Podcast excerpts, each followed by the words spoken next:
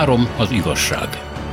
A magyarok cselekedeteiről, a feszült jelenről, a mindig más múltról és a késlekedő boldog jövőről vitatkozik Spiró György, Hatos Pál és Szénási Sándor. Üdvözlet az uraknak! Ha a klubrádió ablakain kinézünk, akkor látunk egy nagyon szép kis fehér palotát, amire az van ráírva, hogy Kertész Imre intézet. És egy kollega folyton szokta fotózni, ha valaki megjelenik, mert olyan ritkán vannak itt vendég, vendégek, meg látogatók, mintha nem is működne ez a dolog, és hát az ember belegondol, nem is nagyon tud, mert ami benne van, az nagyon pici, az életműből, hiszen a szerző még életében a kéziratok nagy részét a Berlini Művészeti Akadémiának adta. 2001-ben volt egy csomó átadott anyag, aztán 2012-ben 35 ezer oldal.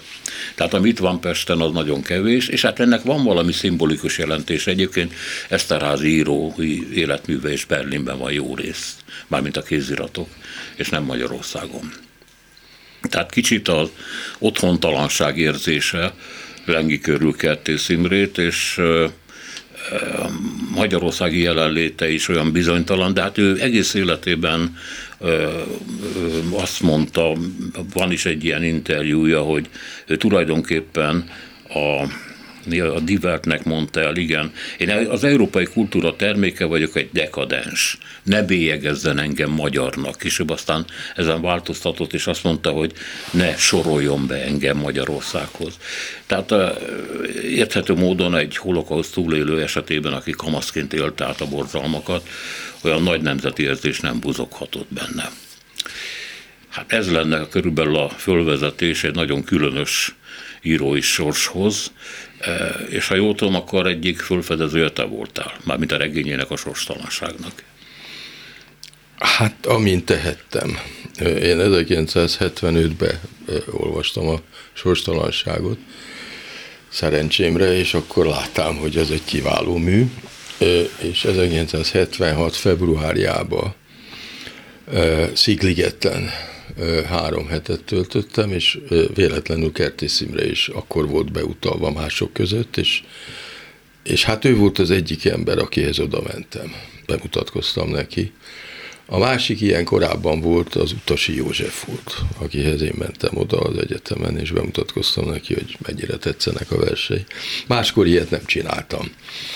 Na most Kertész Imre, azt nem mondhatom, hogy ne írtak volna jó kritikákat, mert amikor megjelent a sorstalanság, akkor kötelességszerűen minden napilap, meg hetilap hírt adott róla, és dicsérték, tehát egy csomóan pozitív kritikát írtak róla, de hát láttam, hogy nem ismerik annyi, amit szerintem kellett volna ismerniük, és amikor tehettem, talán 83-ban történt a dolog, akkor írtam egy nagyon hosszú, lelkes elemzést Kertész Imréről, amit nagyon nehezen tudtam átnyomni az ésben.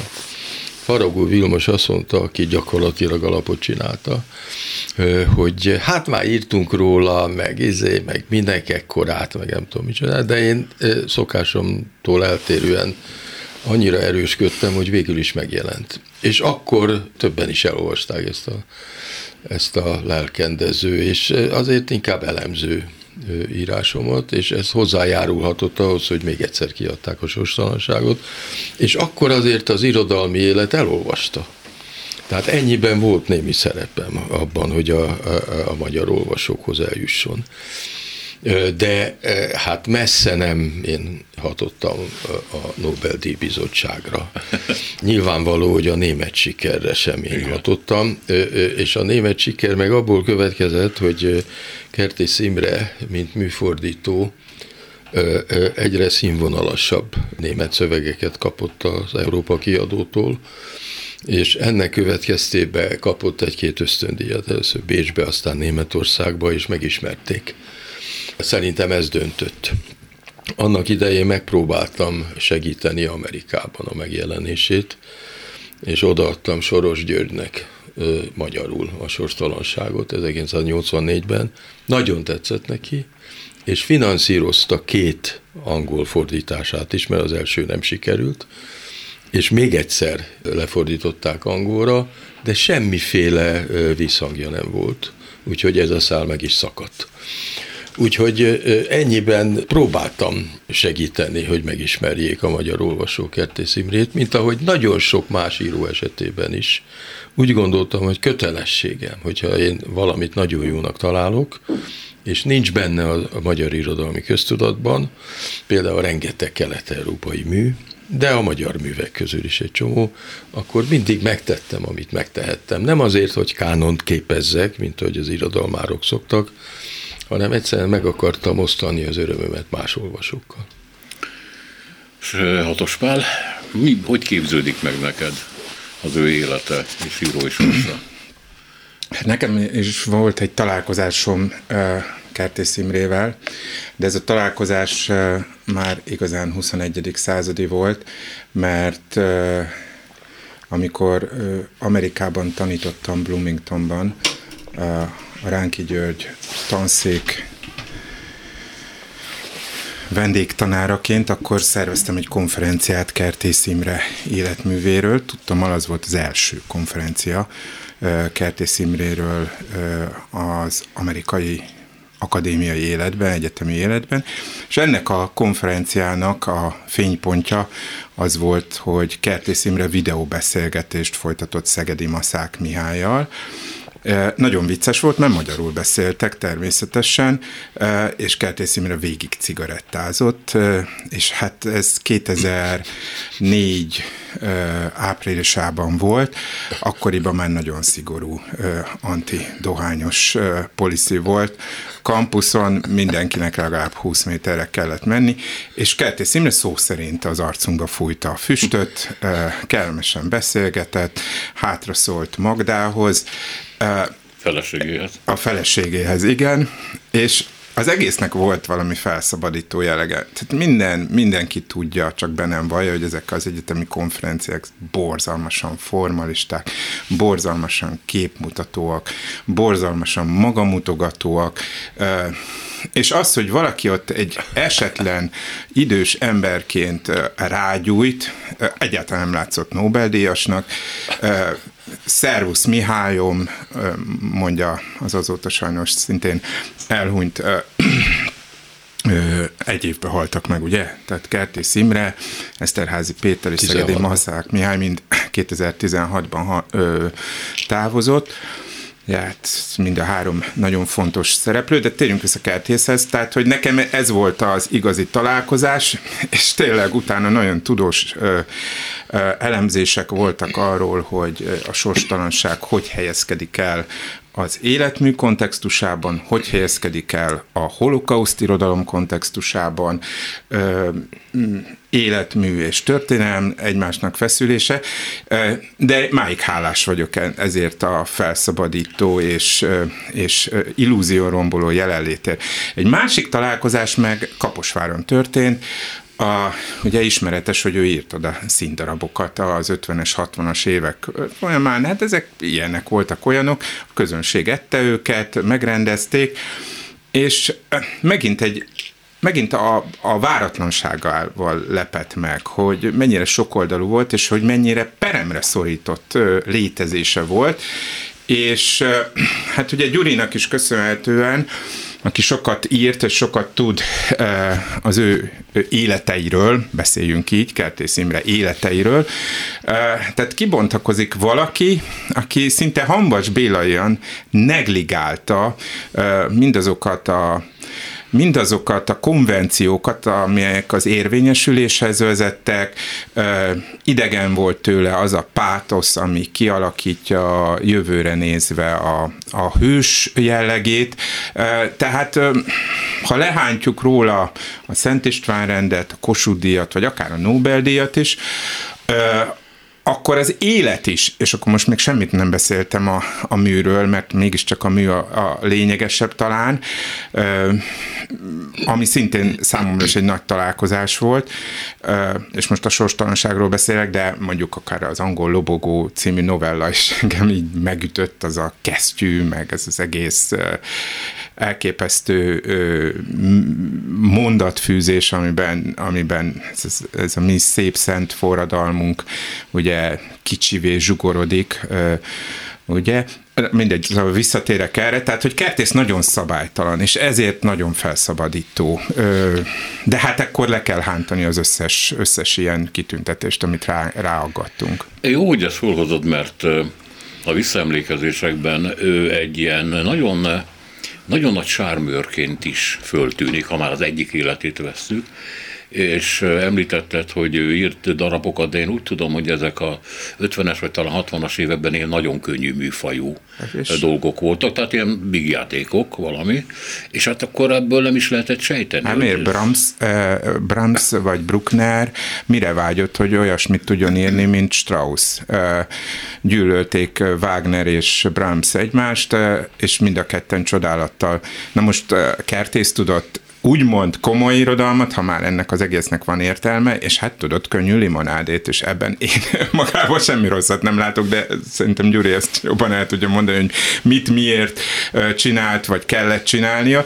Számomra meglepő volt, hogy elsárgult ilyen színi lapokat találok, amikor rendeztük a Kaposvári Színháznak ugye az előéletét, mert ugye azt hiszem valamikor az 50-es években alapították, tehát ez, ez igazából a hajnali évei volt voltak a Kaposvári Színháznak, messze volt még az aranykor, stb. És akkor volt ő ott, és hát egy, tényleg egy váratlan találkozás. Mint ha a Beethoven azt mondta volna, hogy jó, jó, na de nem játszottam a Beatlesben sajnos. Jó, hát egy kicsit másképp történt a dolog, mert Kertész Imre valamikor az 50-es évek közepetáján, tehát 56 után úgy döntött, hogy ő nem megy állásba és attól kezdve a felesége tartotta el, aki pincérnő volt. Írtam róla külön, Albina címmel egy írásom van, tüneményes ember volt, az egyik legfantasztikusabb ember, akit valaha ismertem. De minden esetre e, ez nem egészen úgy történt, pénzért írta ezeket a hülyeségeket, az egyiknek Csacsi fogata címe, a másiknak Bekopog a szerelem, és azzal büszkélkedett az Imre, aki hát azért szégyelte ezeket a darabokat keményen, hogy az NDK-ból még a, az NDK utolsó pillanataiban is kapott rendes jogdíjat ezek után a, a zenés vigjátékok után. Az egyik arról nevezetes, ugye a kertész, kertész, hát a Kálai Pista a barátja. Hát azért gyakorlatilag a Kálai Pista írta ezeket a daragokat, hogy a kertész jövedelemhez jusson. Ez, ez az igazság. Uh-huh. És bele is illik a, a, a Kálai István életműbe aki kiváló ember volt, és, és nem nagyon jó író. De az egy más kérdés. Tehát ez a két zenés vígjáték, az egyikben szerepel a Járom az utat című világhírű magyar sláger. Ez a kockaköves De az, az, az, igen. De hát ennek ez, a, ez az angyalföld megisőítés. Hát a József Attila színházban játszották ezeket a darabokat eredetileg. is. Na most ez merőpénzkereset volt, semmi köze ahhoz, hogy a kertész aztán mit írt. A kertész valamikor 56 után döntött el, hogy író lesz, és akkor hagyott föl mindenféle egyéb tevékenységgel, és attól kezdve hát nyomorogtak. Nyomorogtak, és hát Albina eltartotta, mert hit benne. Ő volt az első feleség. Vas Albinának hívták, és Cejzelendre is a, kertész életműbe fotókat közöl róla, meg, meg érdekességeket. Mindegy. A lényeg az, hogy a kertész Imre, akárcsak Hanvas Béla tulajdonképpen, ez nagyon jó hasonlat volt, a dilettáns írónak a, a példaképe. Ez nem minőséget jelent a dilettantizmus, hanem hozzáállást. És abban a pillanatban, hogy profi író lett belőle, Hanvacsból nem lett, mert a körülmények nem engedték szerencsére, és írhatta a szép irodalmi műveit teljesen cenzúrázatlanul és öncenzúrázatlanul, tehát semmihez nem kellett alkalmazkodnia. Kertész Imnének kellett már a Nobel-díj előtt. Belekerült ebbe a nemzetközi, hát európai, vagyis német irodalmi életbe, rákerült a futószallagra, és megmunkálták. És ennek következtében létrejött ez a nem tudom, 35 ezer vagy hány ezer oldal, ami az összmegítélésén csak rongt rongálja, rongálja a sorstalanságot, meg az angol lobogónak azokat a nagyszerű részeit, meg még a kadist is. De a ezt a három művet tudom felsorolni, amelyek, mint irodalmi művek az én számomra valamit jelentenek, hát a sorstalanság sokat jelent. És megszűnt dilettáns író lenni, profi íróvá képezte magát, és mint profi író adta az ilyen-olyan-amolyan nyilatkozatokat, amelyekkel én igen sokszor nem értettem egyet, néha hangot is adtam méltatlankodásomnak, mert mi annyira közeli barátok voltunk, hogy megengedhettem magamnak.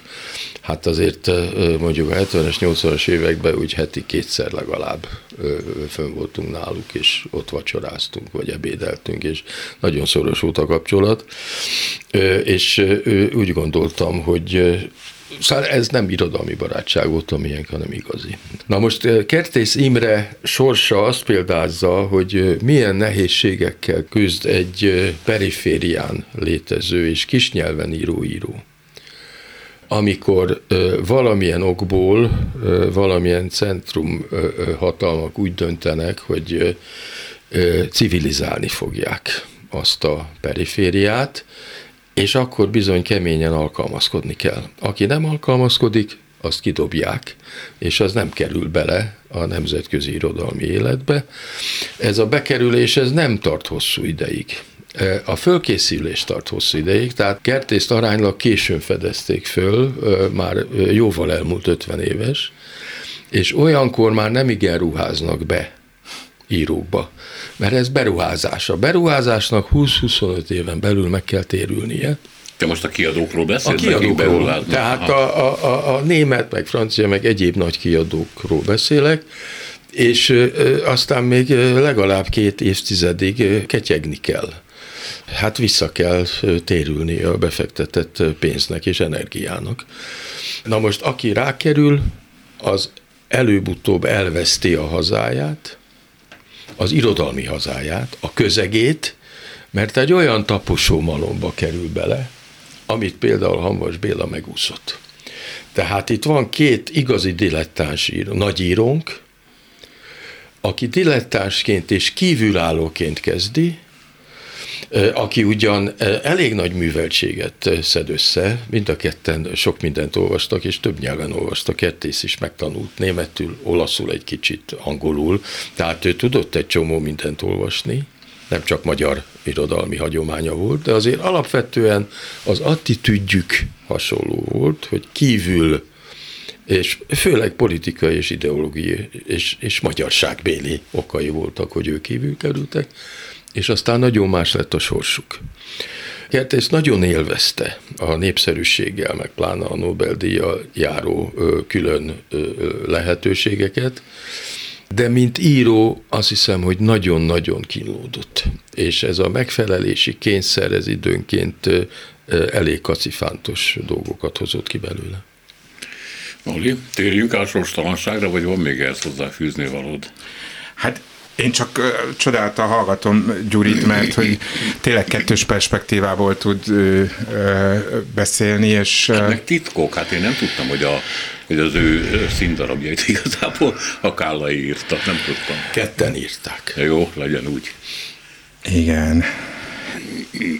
Ez, ez, ez elgondolkodtatott, amit uh, uh, Spiro György mondott arról, hogy hogyan milyen esélyei vannak mondjuk a magyar irodalomnak, vagy bármilyen kisnyelvű irodalomnak a, a világban, a nagyvilágban az érvényesülésre, és hogy, hogy valójában tényleg úgy működik, mint bármilyen más befektetés. Tehát, hogy, hogy hozamnak kell lennie, meg kell térülnie, és, és, és ilyen értelemben picit, picit mindaz, ami egyébként azon a konferencián is elhangzott, hogy, hogy, hogy hát ott ragyog a sorstalanság tényleg a legmagasabb csúcson, és ahhoz képest többi írás mondjuk egy más, más atmoszférát, írói atmoszférát áraszt, és, és ez annál inkább elmondható mondjuk a felszámolásról, meg, meg, meg, meg a kései írásokról, hogy, hogy más, hát talán más minőség is. Nem vagyok én ennek a hivatott a, a megítélésre, az biztos, hogy a, a sorstalanság, mint olvasmány, de mondjuk az angol lobogónak is, ugye ez egy novellás kötet, nekem a címadó novellájának az a, az a vége, az, az, az történelmileg, tehát hogy én azt fel is olvastam már ilyen 56-os ünnepségen, esetleg most is megteszem, mert, mert mert valahogy, valahogy tényleg úgy példázza azt a, azt a fajta dolgot, hogy ezt sokszor hivatkozunk 56-ra, mint, mint ami újra szépé tette, nagyjá a magyar nevet, meg, meg, meg, meg egyebet, és hogy, hogy, hogy mennyire ismerte ez a, ez a kívülálló, ez a gyökértelen, ahogy ő magát nevezte abban a híres hírhet interjúban, a saját népét, a saját, tehát a saját nemzetét. Ugye ősziesre fordult az idő, néhány csendesebb nap következett, és leír a, a házakat, stb. Száguldva egy jeepforma autó bukkant fel hirtelen hűt, hűtőjét, a kék-fehér-piros brit színek egy angol lobogó borította be teljesen. Eszeveszett sietséggel iszkolt a járdákon két oldalt feketélő tömeg közt, amikor előbb szorványosan, majd mind sűrűbben, nyilván a rokonszemvük jeléül tapsolni kezdtek az emberek. Én ezt az autót, miután elrohant előtte, most már csak hátul nézetből láttam, és ebben a pillanatban, amikor a taps megszilárdulni, szinte megvastagodni tetszett a baloldali kocsi ablakból tétován, először szinte vonakodóan kinyúlt egy kézfej. Ez a kéz világos kesztyűbe volt bújtatva, nem közelről láttam ugyan, de feltételezem, hogy szarvas bőrkesztyűbe, és valószínűleg a tapsot viszonzandó néhányszor óvatosan a kocsi menetirányával párhuzamosan meglendült.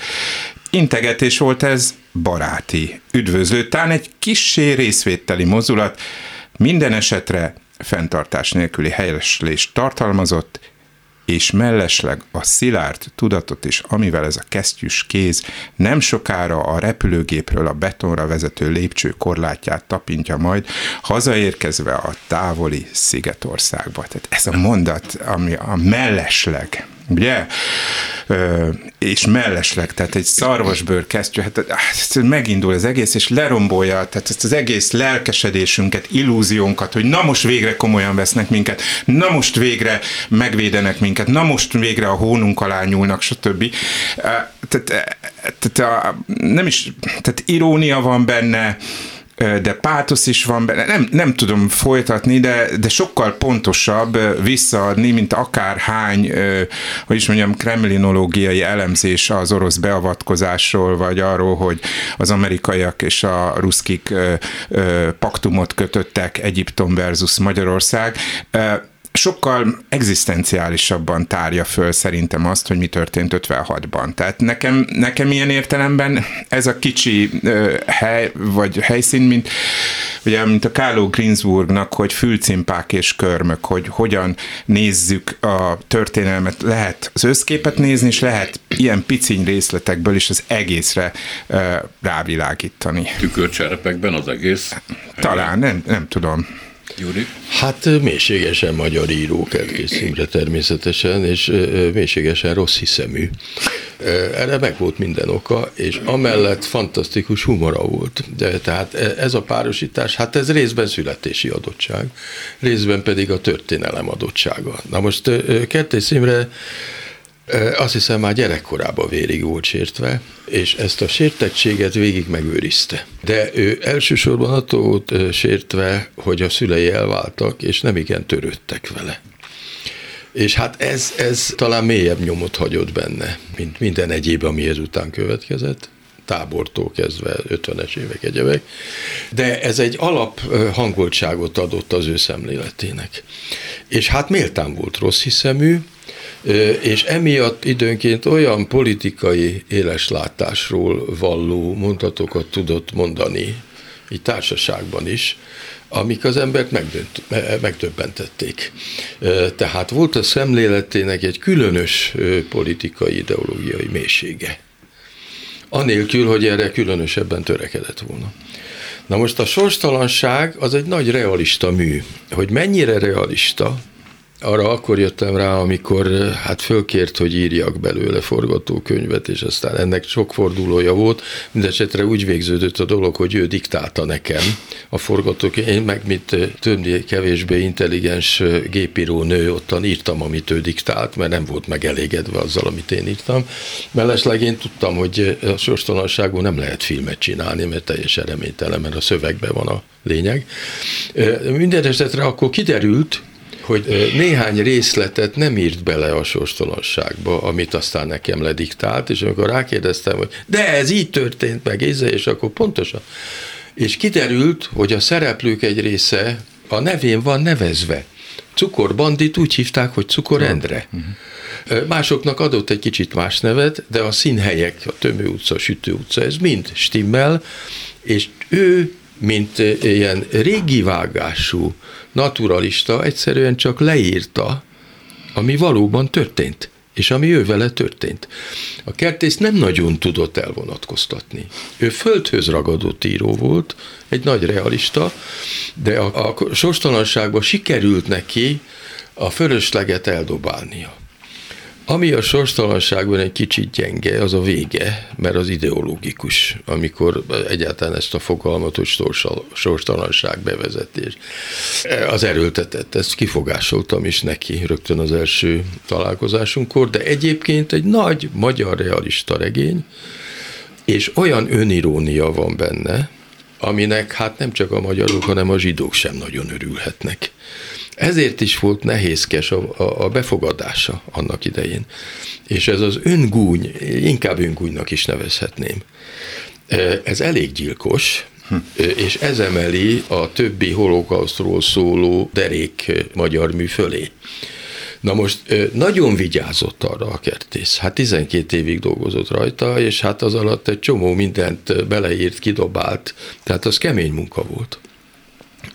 Nagyon vigyázott arra, hogy áttanulmányozza a számára elérhető holokauszt irodalmat, akkor már nagyon sok minden megjelent, és a Sper naplóitól ez, ez a mindent, az égvilágon mindent át, átolvasott, és például gondot okozott neki, hogy amikor megérkeznek Auschwitzba, és az első, amit meglátnak, az egy futballpálya, hogy ez a futballpálya valóban létezette, vagy csak ő képzeli. És addig kutatott, amíg megtalálta Tadeusz Borovszkinál. Hm. akinek van egy novellája, amikor éppen a magyar zsidókat, azt a sok százezer zsidót viszik. Azokban a napokban ők ott fociztak. Ő, mint lengyel hm. fogoly volt jelen, nem így zsidó. Ez a földhöz ragadottság, és közben a szemléletnek ez a, ez a rettenetes kíméletlen, gúnyos és öngúnyos jellege valóban egy rendkívüli művet hozott össze, és ez a további műveiben nincs jelen, hanem átadja a helyét valamiféle, hát ilyen magyar irodalmi sajnálatnak. Hm. Ami hát szintén magyar hagyomány, persze, de nem világirodalmi mérték. Szóval ami miatt sokan haragudhattak rá mindenféle oldalakon, ez a önmagát gyökértelennek, kívülállónak nevezte. Volt egy ilyen mondata egyébként, talán ugyanebben a divát interjúban jelent meg, hogy fai vagy nemzeti hovatartozás rám nem érvényes. Tehát, hogy én túl vagyok rajtatok, mindegyik őtökön túl vagyok. Hmm. Egyikhez sem tartozom. Jó, persze. De ezek az ő szavai kérdés, hogy ennek megfelelően érzette, vagy cselekedette, vagy pedig ezek hát ilyen mondatok, amiket az ember, egy pláne egy sértett ember, joggal sértett ember szokott mondani. Nem, ez egy teljesen normális közlés szerintem. Hát a zsidóságával se akar semmi se csinálni, és amikor arról beszél, hogy ő belőle holokauszbohócot csináltak, hát ennél kegyetlenebbet erre a szerepkörre nem lehet mondani. Hát senki más nem merte volna ezt így kimondani, ő kimerte mondani. Nem, hát ő, ő individuum volt, rendkívüli egyéniség, valószínűleg nagyobb ember volt, mint ami az írásműveiből kiderül, hát elég közelről ismertem, ezt úgy állíthatom, és én tulajdonképpen, mint barátja, aki hát végig barátja maradtam, azon kevesek között voltam, és nem érdekelt, hogy most politikailag mit mond, mit nem mond. Ezt én nem tartottam annyira lényegesnek. Noha a díj elfogadásáról megpróbáltam lebeszélni, de nem, mindegy, attól én még a barátja maradtam. De engem az zavart, hogy egy csomó mindent, amit neki kellett volna megírnia, nem írt meg.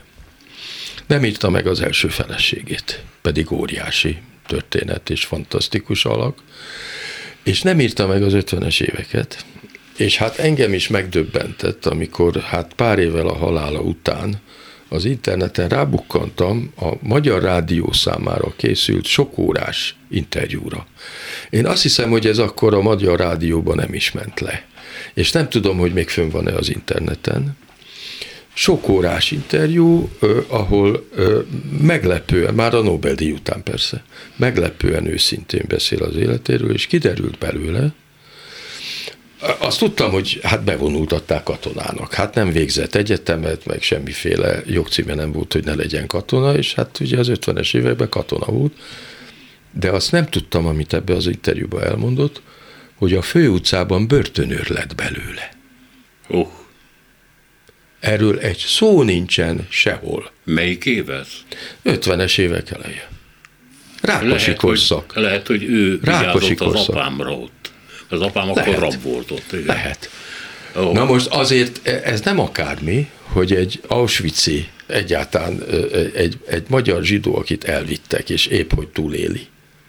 Utána, mint börtönőr tűnik fel a Rákosi korszakban. Hát ez azért megirandó lett volna. Na most rejtetten, bújtatta, bújtatva ezek a furcsa nyilatkozatai, hogy ő igazából a Kádár korszakban értette meg, hogy mi a holokausz. Meg szóval ezek, a, ezek az összemosások, ezekben valahol ott bujkál ez a tapasztalat. Csak nem írta meg. Pedig milyen érdekes lett volna.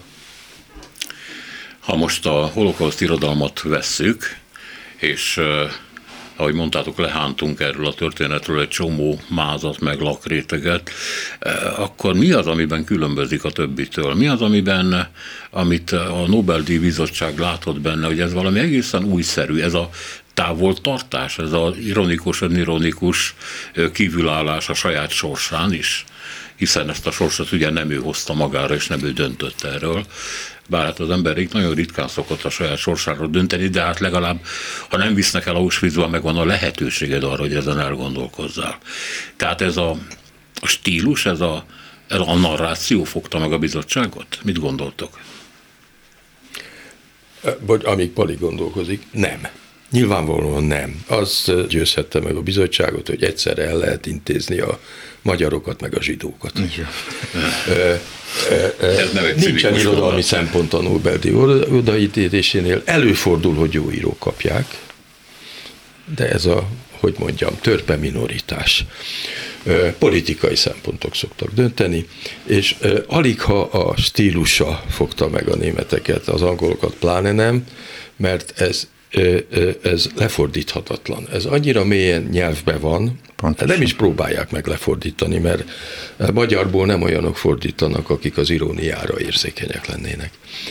Ez nagyon magyar szöveg, a sorstalanság szövege, és hogyha az ember elkezdi elemezni, amit nem tettek meg, és nem az én feladatom, hogy elemezzem, én mással foglalkozom, csinálják meg az irodalmárok. De Szépernőtől kezdve Ottli Gézáig ott vannak a magyar mondatok. Amit kifogásolni szoktak például, hogy hátravetve persze, mondja a szereplő, hogy hát igen, fölagaszt, persze. Ez az ironik, ez Ottli Géza iskola határon című regényében nagyon sokszor jelen van. Kertész azt hazudta, hogy nem olvasta az Ottlikot sem, meg más sem olvasta, de hogy nem olvasta, természetesen, hogy nem olvasta volna. Tehát ez a fajta szemlélet, ami megjelenik az ő nyelv, és a legjobb mondataiban, mint a, amit felolvastál, a, e, ez az integető brit kéz is 56-ban, e, e, ez magyar irodalmi örökség. Lehet így fordítani Thomas Mantó kezdve egy csomó németet magyarra, de viszont nem szokták Igen. így lefordítani őket. Vali? Hát szerintem én végtelenségig hallgatnám, amit Spiro György mond, mert, mert, mert egész egyszerűen szinte szinte átrendezi a, a, az értelmezési képemet kertészről, de ezzel mélységesen egyet tudok érteni, tehát hogy, hogy nagyon nehéz érvényesülni, tehát a, magának az irodalomnak a csodája is a nyelvben rejtőzik, és, és nagyon nehéz olyan magyar irodalmi művet tenni, vagy találni, amely, amely át tud menni mellékes szempontok nélkül, vagy, vagy más szempontok, üzleti, politikai, ö, ö, irodalom stratégiai, vagy, vagy kiadó stratégiai szempontok nélkül, és sokan gondoltak akkor is rá, hogy, hogy nyilvánvaló, hogy, hogy, hogy ez egy kitűnő és, és rendkívüli mű, szerintem is, de hogy ez önmagában nem lett volna elegendő. A Nobel-díjhoz kellett az a szempont, hogy a magyaroknak is adjanak, kellett az, hogy a kelet-európai holokauszt történet is valamiképpen kanonizálva legyen. Én azt gondolom, hogy ez egy nagyon szerencsés, mert, mert megérdemelt helyre ment, és az is igaz, hogy tehát a, amit említettem, hogy én 2004-ben rendeztem Kertész Imre, nem volt azelőtt amerikai egyetemen Kertész Imre konferencia. Tehát teljesen megerősíti, amit Gyuri mond, hogy nem értették, vagy nem akarták érteni, vagy kínai volt számukra, hogy mit jelent ez a mű. Ott és akkor is elhangzott, hát ezt se tudtam, hogy igazából Gyuri tudta rávenni azt, hogy egyáltalán elkészüljenek az első fordítások. Nem, nem visszhangzott. Tehát ilyen értelemben hálásak lehetünk a németeknek, a német lelkiismeret fordulásnak, a német kiadói nyomulásnak, hogy Kertész Imrét felismerték, és, és, és, és, és középpontba helyezték. De akkor még egyszer a Nobel-díjról, tehát szerintem ez is nagyon pontos, amit Spiro hogy mond, hogy időnként nagy írók is megkapják. Hát ki kapta az első ö, ö, irodalmi Nobel-díjat?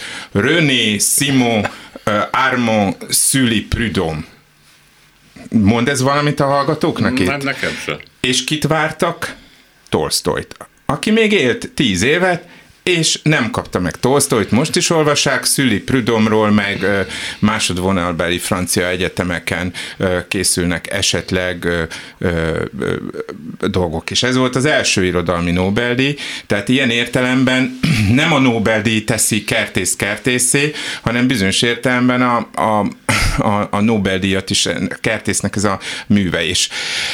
Már beszéltünk, vagy azt hiszem, hogy Spiro György már egy korábbi adásban mondta, hogy azért van itt, van itt egy hozzámérhető másik holokauszt regény, ez Szépernőnek az emberszagja. Tehát, hogy az is egy realista mű, és talán ez az, ami a magyar hozzájárulás ehhez, a, ehhez az univerzális borzalomhoz, ami a vészkorszak, vagy soha pontosabban, mert, mert mind a két mű olyan értelemben rendhagyó, hogy hiányzik az a fajta pátosz, az a fajta megalkotottság, az a fajta romantikus ö, ö, konstrukció, ami, ami nagyon sok ö, holokauszt elbeszélést végső soron egy háborús, vagy, vagy egy ilyen ö, hát, hát egy ilyen ö, katarzisos elbeszélésé tesz, amikor hát ebből a történetben nagyon nehezen található meg a, a, a katarzis, és szerintem pont ezért lehet.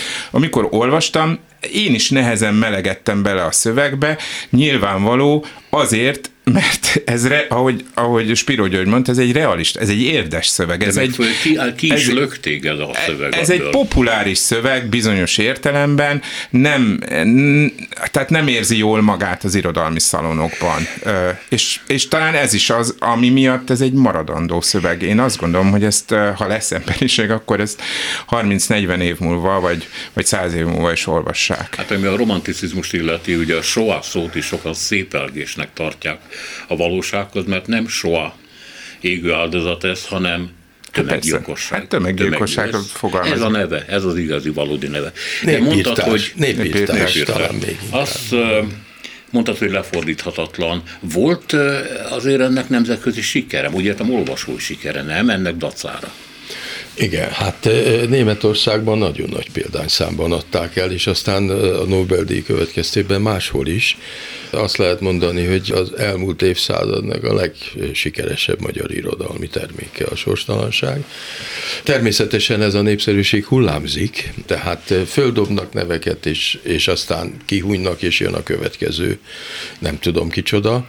Amikor visszajött ugye a Nobel-díj után Svédországba a kertész, akkor kacagva mondta nekem, hogy én vagyok a 200 ezer magyar sorstalan, olvasatlan sorstalanság szerzője mert hát akkor őrült nagy példányszámba el lehetett adni, és tisztában volt vele, hogy hát nem mindenki fogja végigolvasni, pedig rövid. A iskolákban akkor a sorstalanságot. Jó, hát persze, ez hát volt nem, a dolga. Hát igen, ez volt a dolga. Ez a dolga.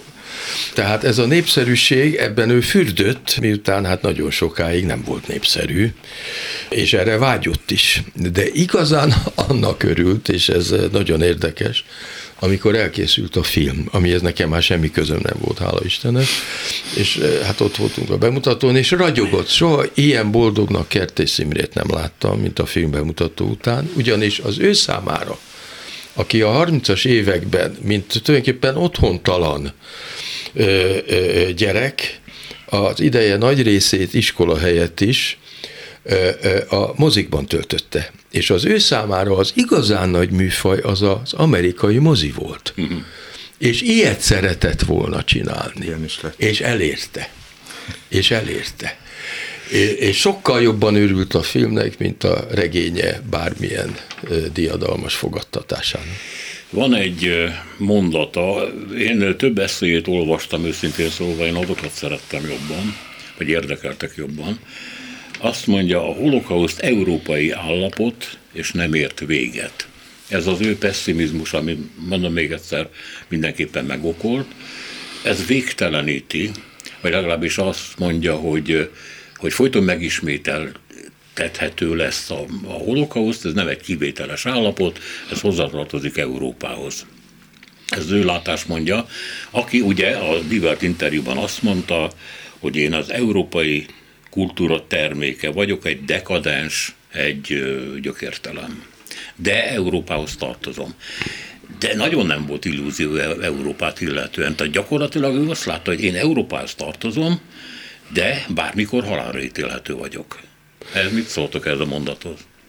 Igen, ő ennél azért világosabban látott. Az írásaiból is kiderül, hogy kettősen ítélte meg ezt a hát holokausznak becézett valamit. Egyfelől kulturális, nagy kulturális fogalommá próbálta bővíteni, erről vannak ugye tanulmányai. Másfelől azonban pontosan látta, hogy ez a fajta népírtás, ez nem csak a zsidóságot érinti, és hogy kiterjed az egész világon bármelyik népre, vagy nemzetiségre. Mint ahogy azt most látjuk. Hát persze, ő ezt pontosan látta előre, tisztában volt vele.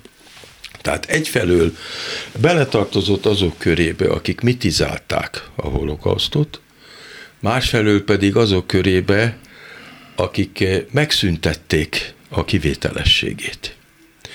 Na most e, ebből az következik, hogy neki nem volt zsidó tudata, mert akinek nincsen ilyen kiválasztottsági tudata, az nem zsidó. Ahhoz az kell.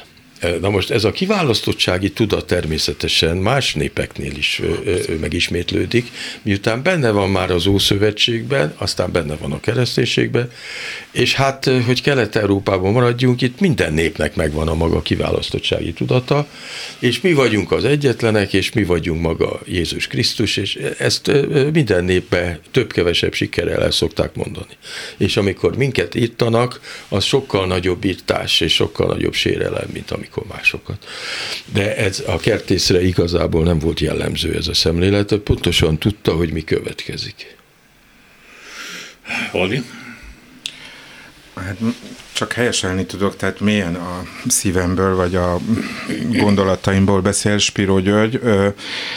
Tehát igen, tehát választott népek tömkelege van itt ezen a tájékon, és, és, és hogy a fájdalmat ugye úgy, úgy tudjuk kvázi dekorálni, hogy, hogy úgy érezzük, hogy ez egy, ez egy, ez egy csak ránk jellemző sors, most, tragikus Európa, sors. Európában tényleg ott rejtőzik újra és újra. Hát az egész világ ha valami egyszer megtörténhetett, akkor miért ne történhetne meg?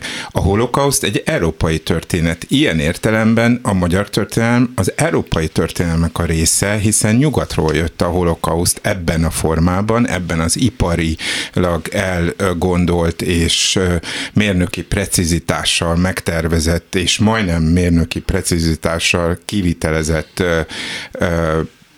sok milliós gyilkosságban, amit, amit, amit megvalósítottak, abban a tekintetben is, hogy egy majdnem tökéletes bűnténylet, hiszen máig nem kerültek elő az alapdokumentumai a, a gyilkosság elrendelésének, de hogy tudjuk, hogy ez, ez, ez el lett tervezve, ez meg lett hirdetve, ez, ez, ez így történt, és ettől mélységesen európai, hogy ez nem egyfajta, hogy is mondjam, erőforrásokért kirobbant harc valahol a Sztyeppén vagy Darfurban, ahol földművelők és, és állattenyésztők között egyszer csak a feszültség szétrobban és, és, és emberi társadalmi torkolik, hanem pontosan ettől európai történelem, és érzem is a feszültséget a, a használatában, ahogy hogy ezt mondja.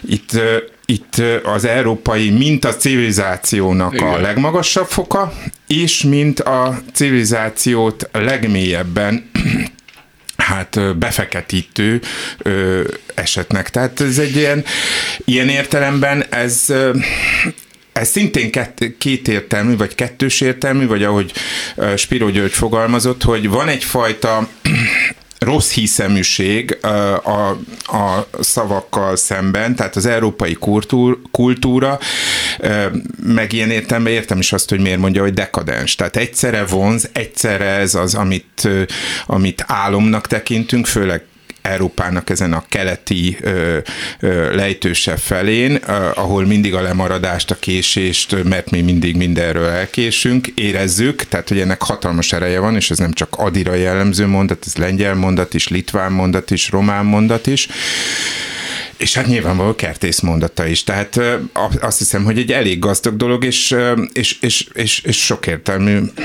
Igen. Tehát ilyen Mert a napi használatban, ugye, amikor azt mondjuk, hogy ez annyira, annyira európai, ebben egy ilyen önimádat és öncsodálat van, és akkor ez a része kihullik. Még egy dolgot szeretnék megkérdezni, elég kínos a végén ez a korvillánc.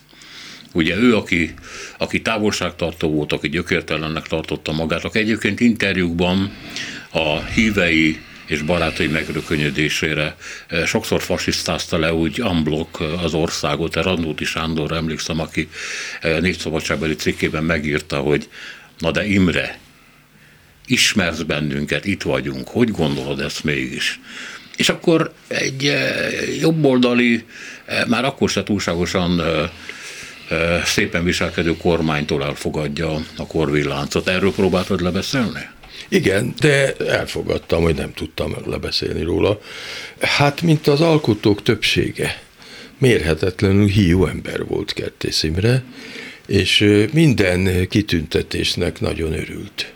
Ennek is. Na most az egy más kérdés, hogy egy kicsit félrevezették, mert azt mondták neki, legalábbis ő nekem így mesélte, még tavasszal, annak az évnek a tavasszán, amikor augusztus 20-án ezt megkapta, azt mondták neki, hogy ezt a kitüntetést az ő számára létesítik, ő lesz az első kitüntetetje, és az egyetlen. Ehhez képest kiderült, hogy egy olyan kitüntetésről van szó, amit ő nem tudott, amelyiket már a magyar történelemnek igen negatív szereplői is megkaptak. És hát kialakította korábban. mikor? Hát igen, ez a horti korszak. Igen, és nem, már előbb volt. Előbb volt, még a monarchia idején volt. Nem, ezt 1930-ban alapította Horti Miklós. Aki Szerintem már volt Szent István rend előzőleg. A, ja, a Szent István rend az volt. Volt. De most a Korvin, Korvin rendről, Korvin láncról beszélünk. Szent István rend, nem, én a, Szent, nem, én a Szent István rendről beszélek. Bocsánat, nem a, Korvin láncról beszélek. Volt, Szent István rendről beszélek. Arról beszélek. A, a, a körül csaptak föl az indulatok. És hát nem is egyedül kapta meg végül is. Úgyhogy ő akkor már nagyon beteg volt. Azért ennek a kormánynak, amelyet ő elég kemény szavakkal támadott, azért mégiscsak a javára kell írnom, hogy hazajöhetett Berlinből, ahol elképesztő összegeket költött orvosokra, mert hát nagyon beteg volt ő is, meg a felesége is, és már nem győzték. Noha, ugye Nobel-díj, meg mindenféle egyebek, de tájékozatlanok voltak a betegbiztosítási ügyekbe, hiába próbáltam nekik magyarázni, hogy mit hogyan csináljanak. Őrületes összegeket nyúztak le róluk az ilyen-olyan orvosok, akik aztán rettenetes kezeléseket csináltak, és fél évente másikat kezdtek amint felváltották egymást. Úgyhogy hazajöhetett, és megszűntek a támadások ellene. Uh-huh. Tehát békén hagyták. Igen. Gyurinak teljesen igaza van, ő nem volt korvinláncos, nem. ő nem kapta igen. meg, hanem Ez a Szent István rendet, amit igen. igen, és azt úgy állapították, és környékén, és, és ugye, ha nem jól emlékszem, Rubik Ernővel együtt igen. kapta meg, igen. és nem egyedül, igen. Igen, tehát hogy abszolút igazad van, nem a korvilláncot kapta meg, hanem a Szent István rendet. Jó, hát köszönöm, hogy itt voltatok. Most szépen átmegyek az ablakhoz, átnézek a kis fehér palotára, megnézem, hogy mi van ráírva, az lesz egy Kertész Imre intézet, és ennek minden iróniáját azt hiszem, hogy át fogom élni. Köszönöm szépen, hogy itt voltatok. Köszönöm Spiro Györgynek, köszönöm Hatos Pálnak, és uh, ugye a mai műsort is Selmeci János szerkesztette, a műsorvezető Szénási Sándor volt. Köszönjük a figyelmüket, minden jót!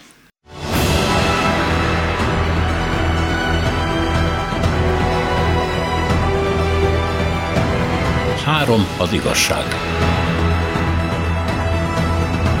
Szénás és Sándor műsorát hallották.